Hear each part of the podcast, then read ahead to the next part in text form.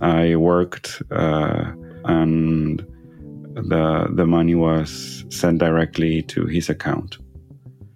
And I started to receive like a monthly allowance. I am in a position of saying to myself, so I was only safe with him. Without him, I'm not safe.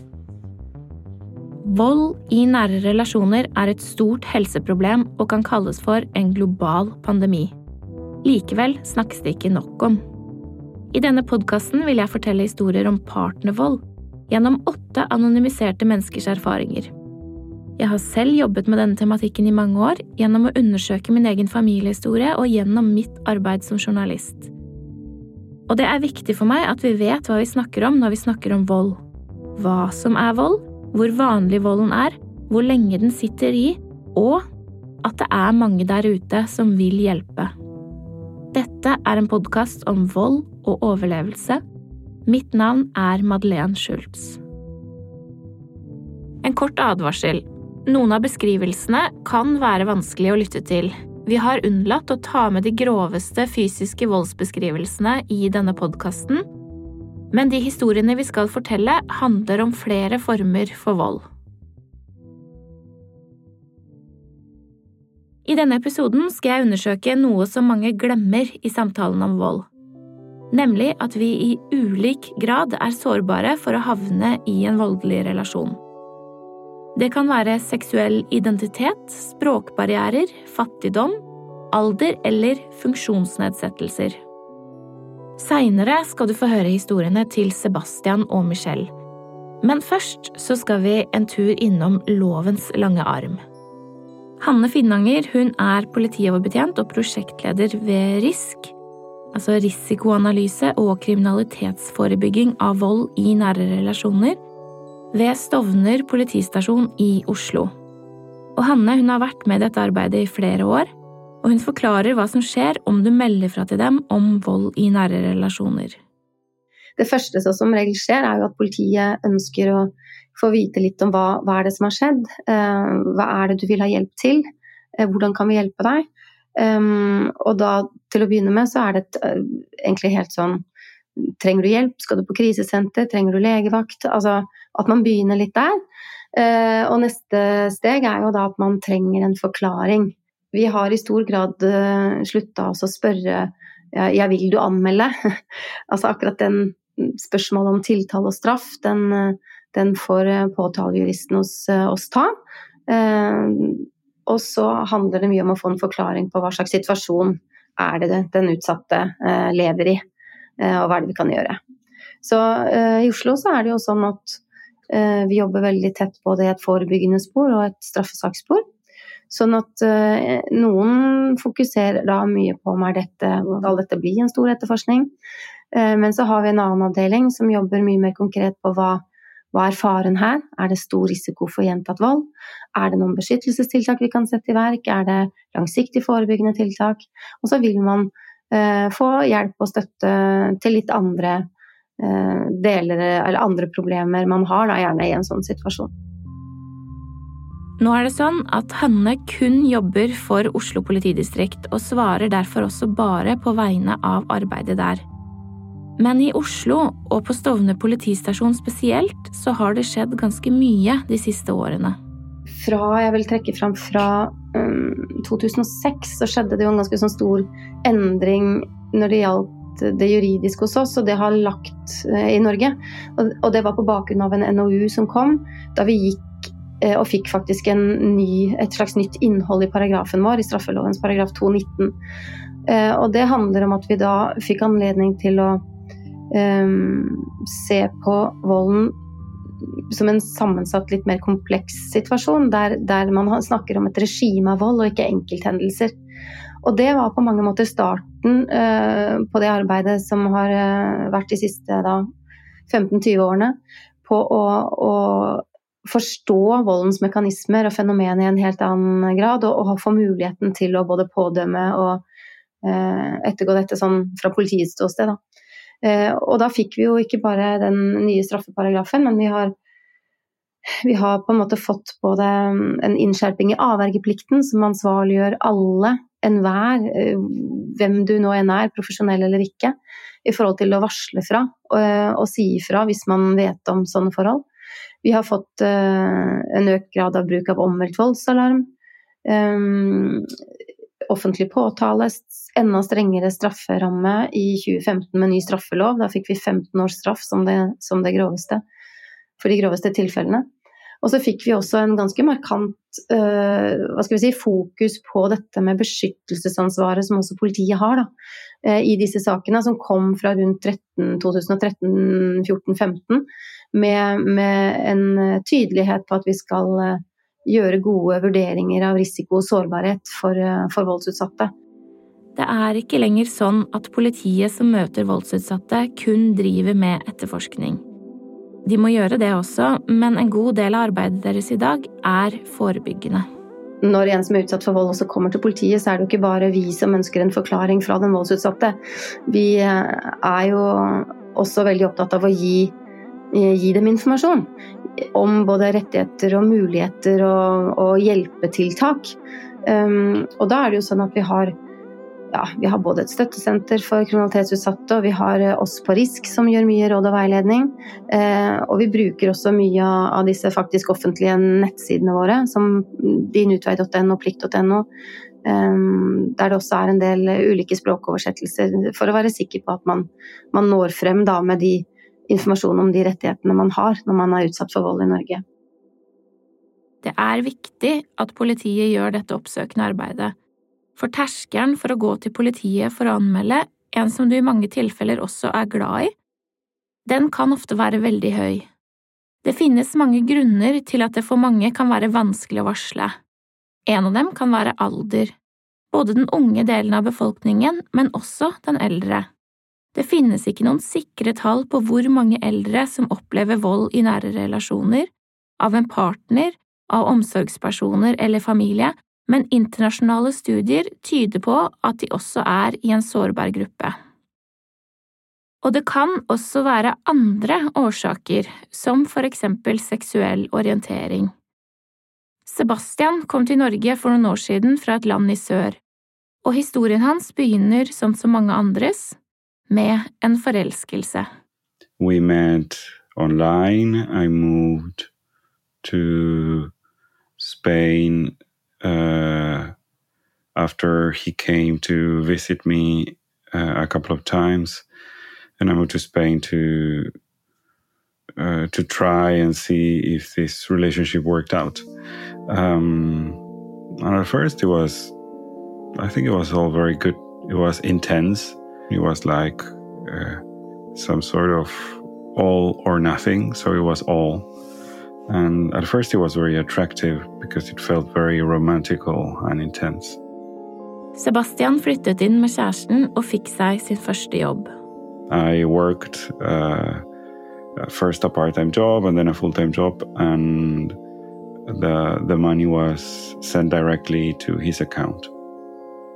And I started to receive like a monthly allowance that I could use after several discussions where he thought that it wasn't safe for me to have my own money. Kjæresten tok styringen over inntekten hans, og etter det så ble kontrollen sterkere og sterkere. This was the start of social media, so with MySpace and um, yeah, and then Facebook. So and I, I always uh, liked uh, writing and singing. So um, for me, social media and blogging was a, a great way to to get in contact with more people and to share what I did. But for him, it was an opportunity for me to know other people, to meet other people um, online, and he started to shame me about the way that I dressed or uh, the places that I went. And when I showed interest in in sex, um, he shaved me saying that I was for sure not faithful to him and because I was my sexual desire was very high. Gaslighting kalles det når du manipulerer en annen og får dem til å tvile på sin egen virkelighetsoppfatning. Sebastian hadde blandede følelser, for kjæresten hadde også gode dager hvor han tok vare på han i et fremmed land. Men da han fikk oppholdstillatelse, så endret noe seg. It started to become when when when when for me was too much, and I thought about uh, leaving the relationship, and I got my citizenship, and I started get to get job offers um, myself, when I was like more integrated socially.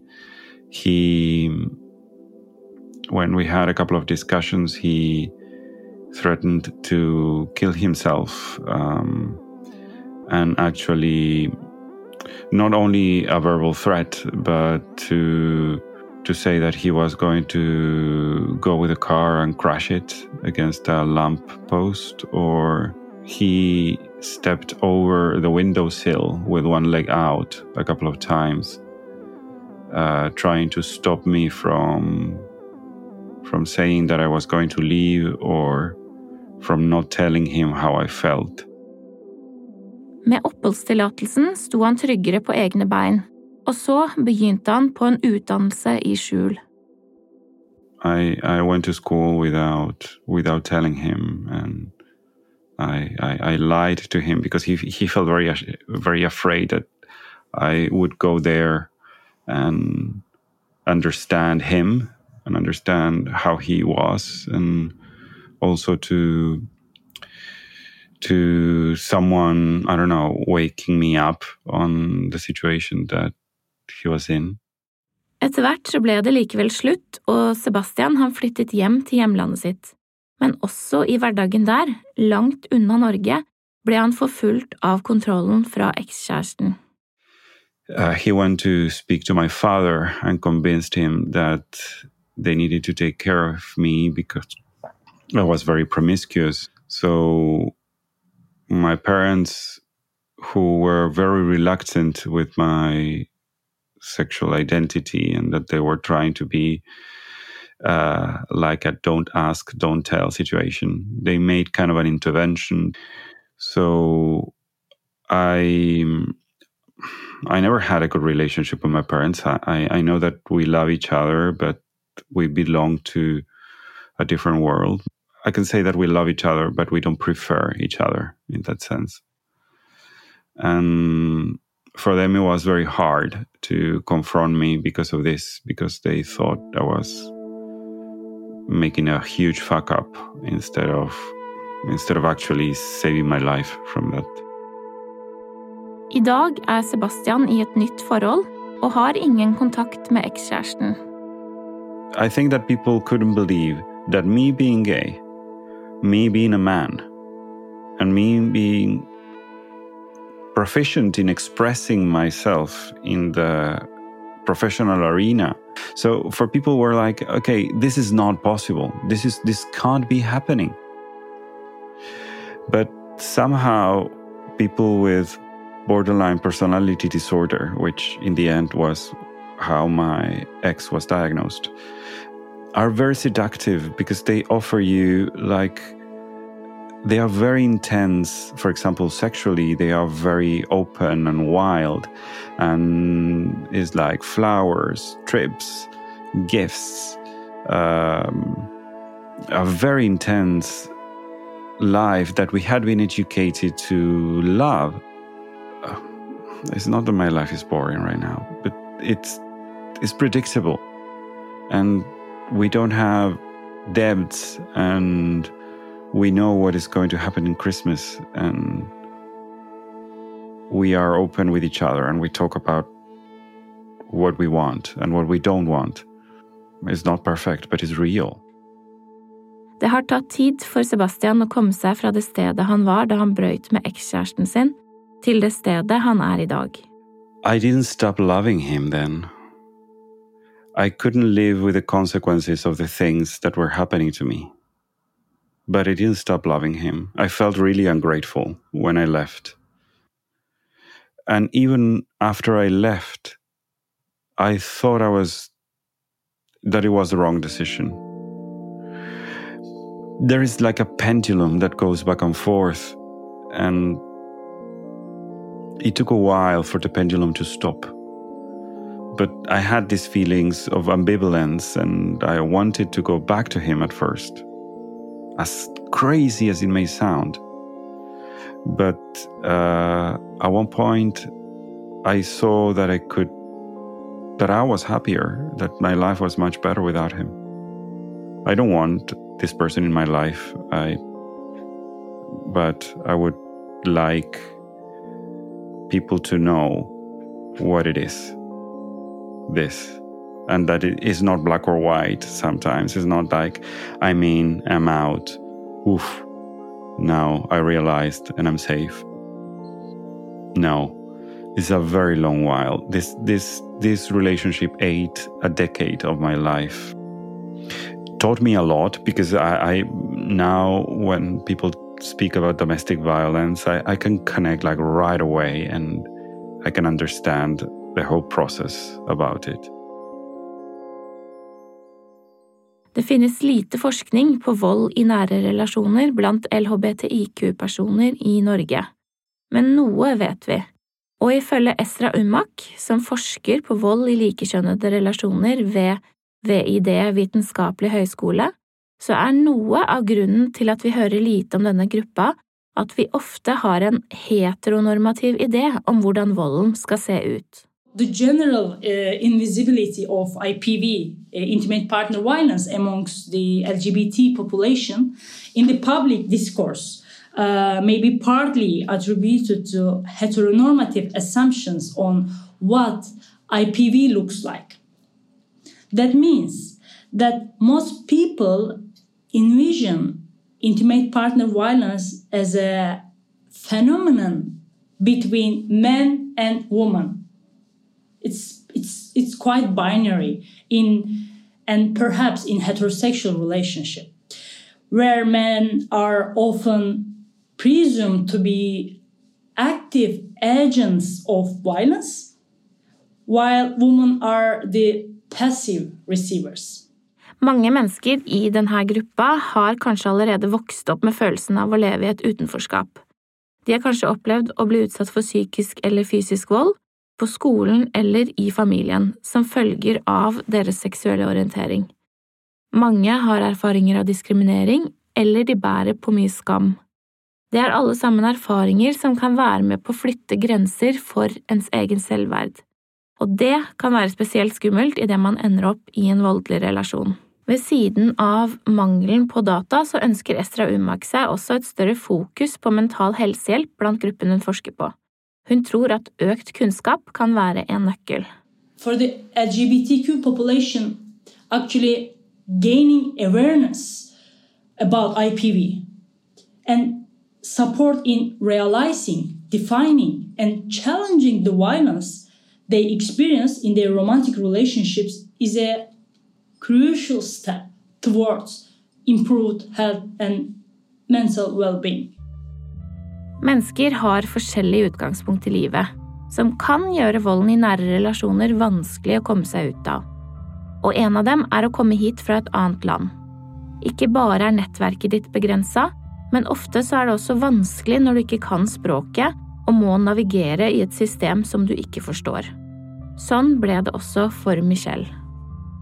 Michelle kom til Norge for første gang for nesten ti år siden fra et land sør i Afrika.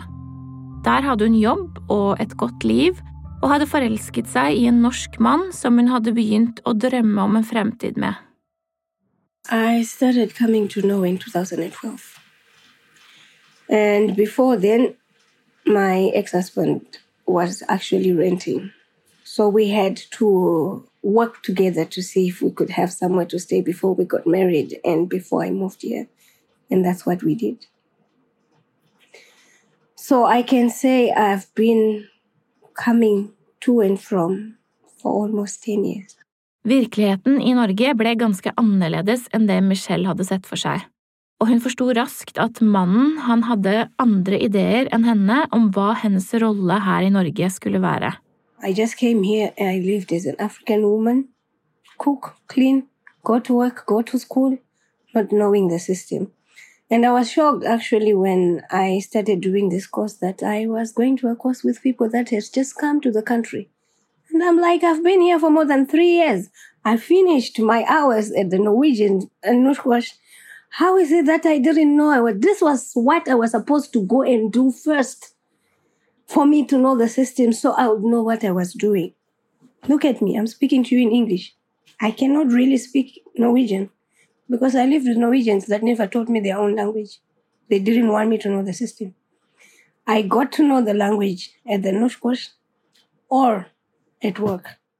Hun ble isolert og holdt som en slags hushjelp i hjemmet.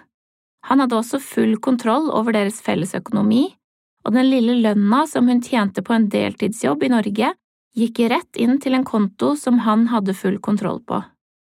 Men det var først etter at hun brøyt ut at hun forsto hvor ille det sto til økonomisk.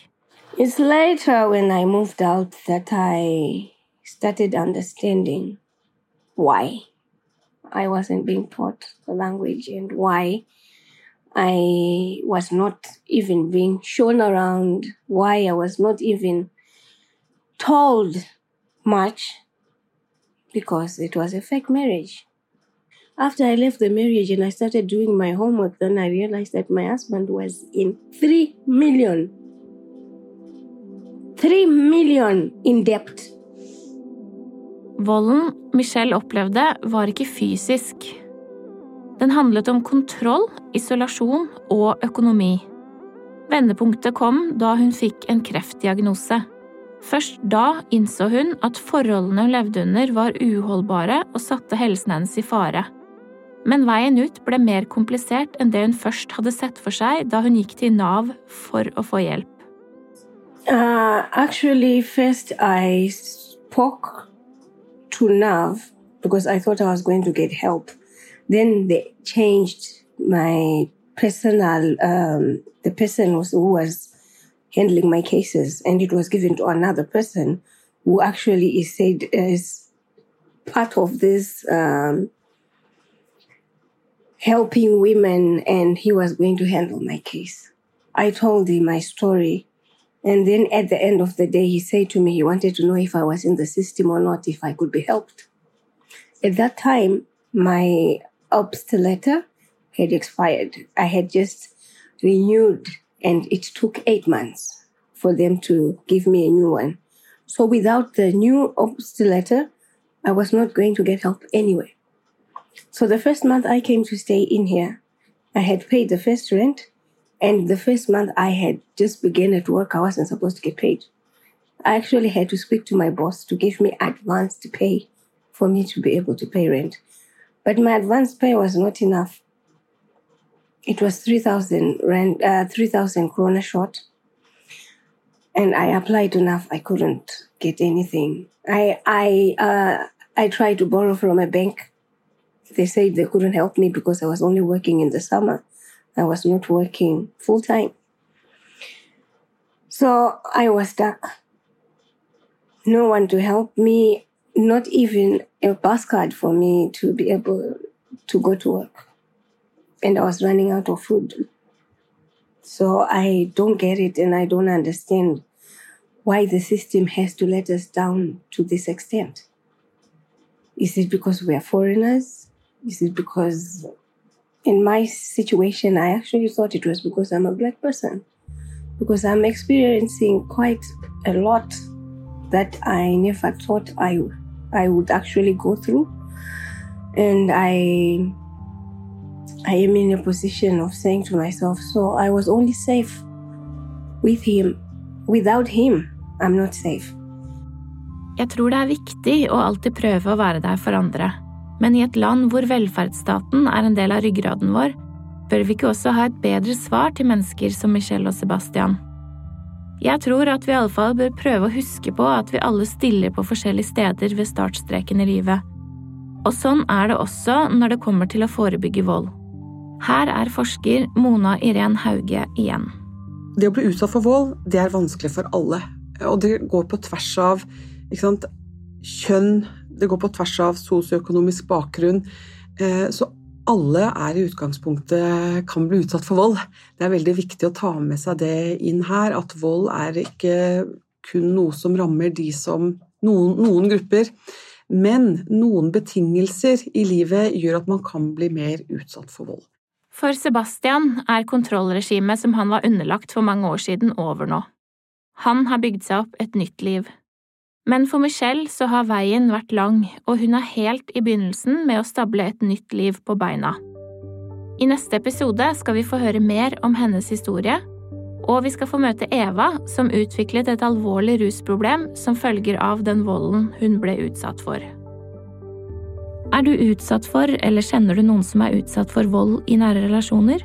Sjekk ut dinutvei.no, ring ditt kommunale krisesenter eller VO-linjen på 116 006. Denne podkasten er produsert eksklusivt av Filt for Psykologisk institutt ved Universitetet i Oslo og Norske kvinners sanitetsforening. Research, manus og klipp ved meg, Madeleine Schultz. Produsent er Anne Gerd Grimsby Haarr, og koprodusent er Ida Palin Bostadløkken. Prosjektledere hos UiO er Joyce Antonia Oyokoyo og Beate Seibt, som også er ansvarlig utgiver. Takk til alle kilder som har delt sine historier, og fagpersoner for å bidra med sin kunnskap. Podkasten er støttet av Stiftelsen DAM.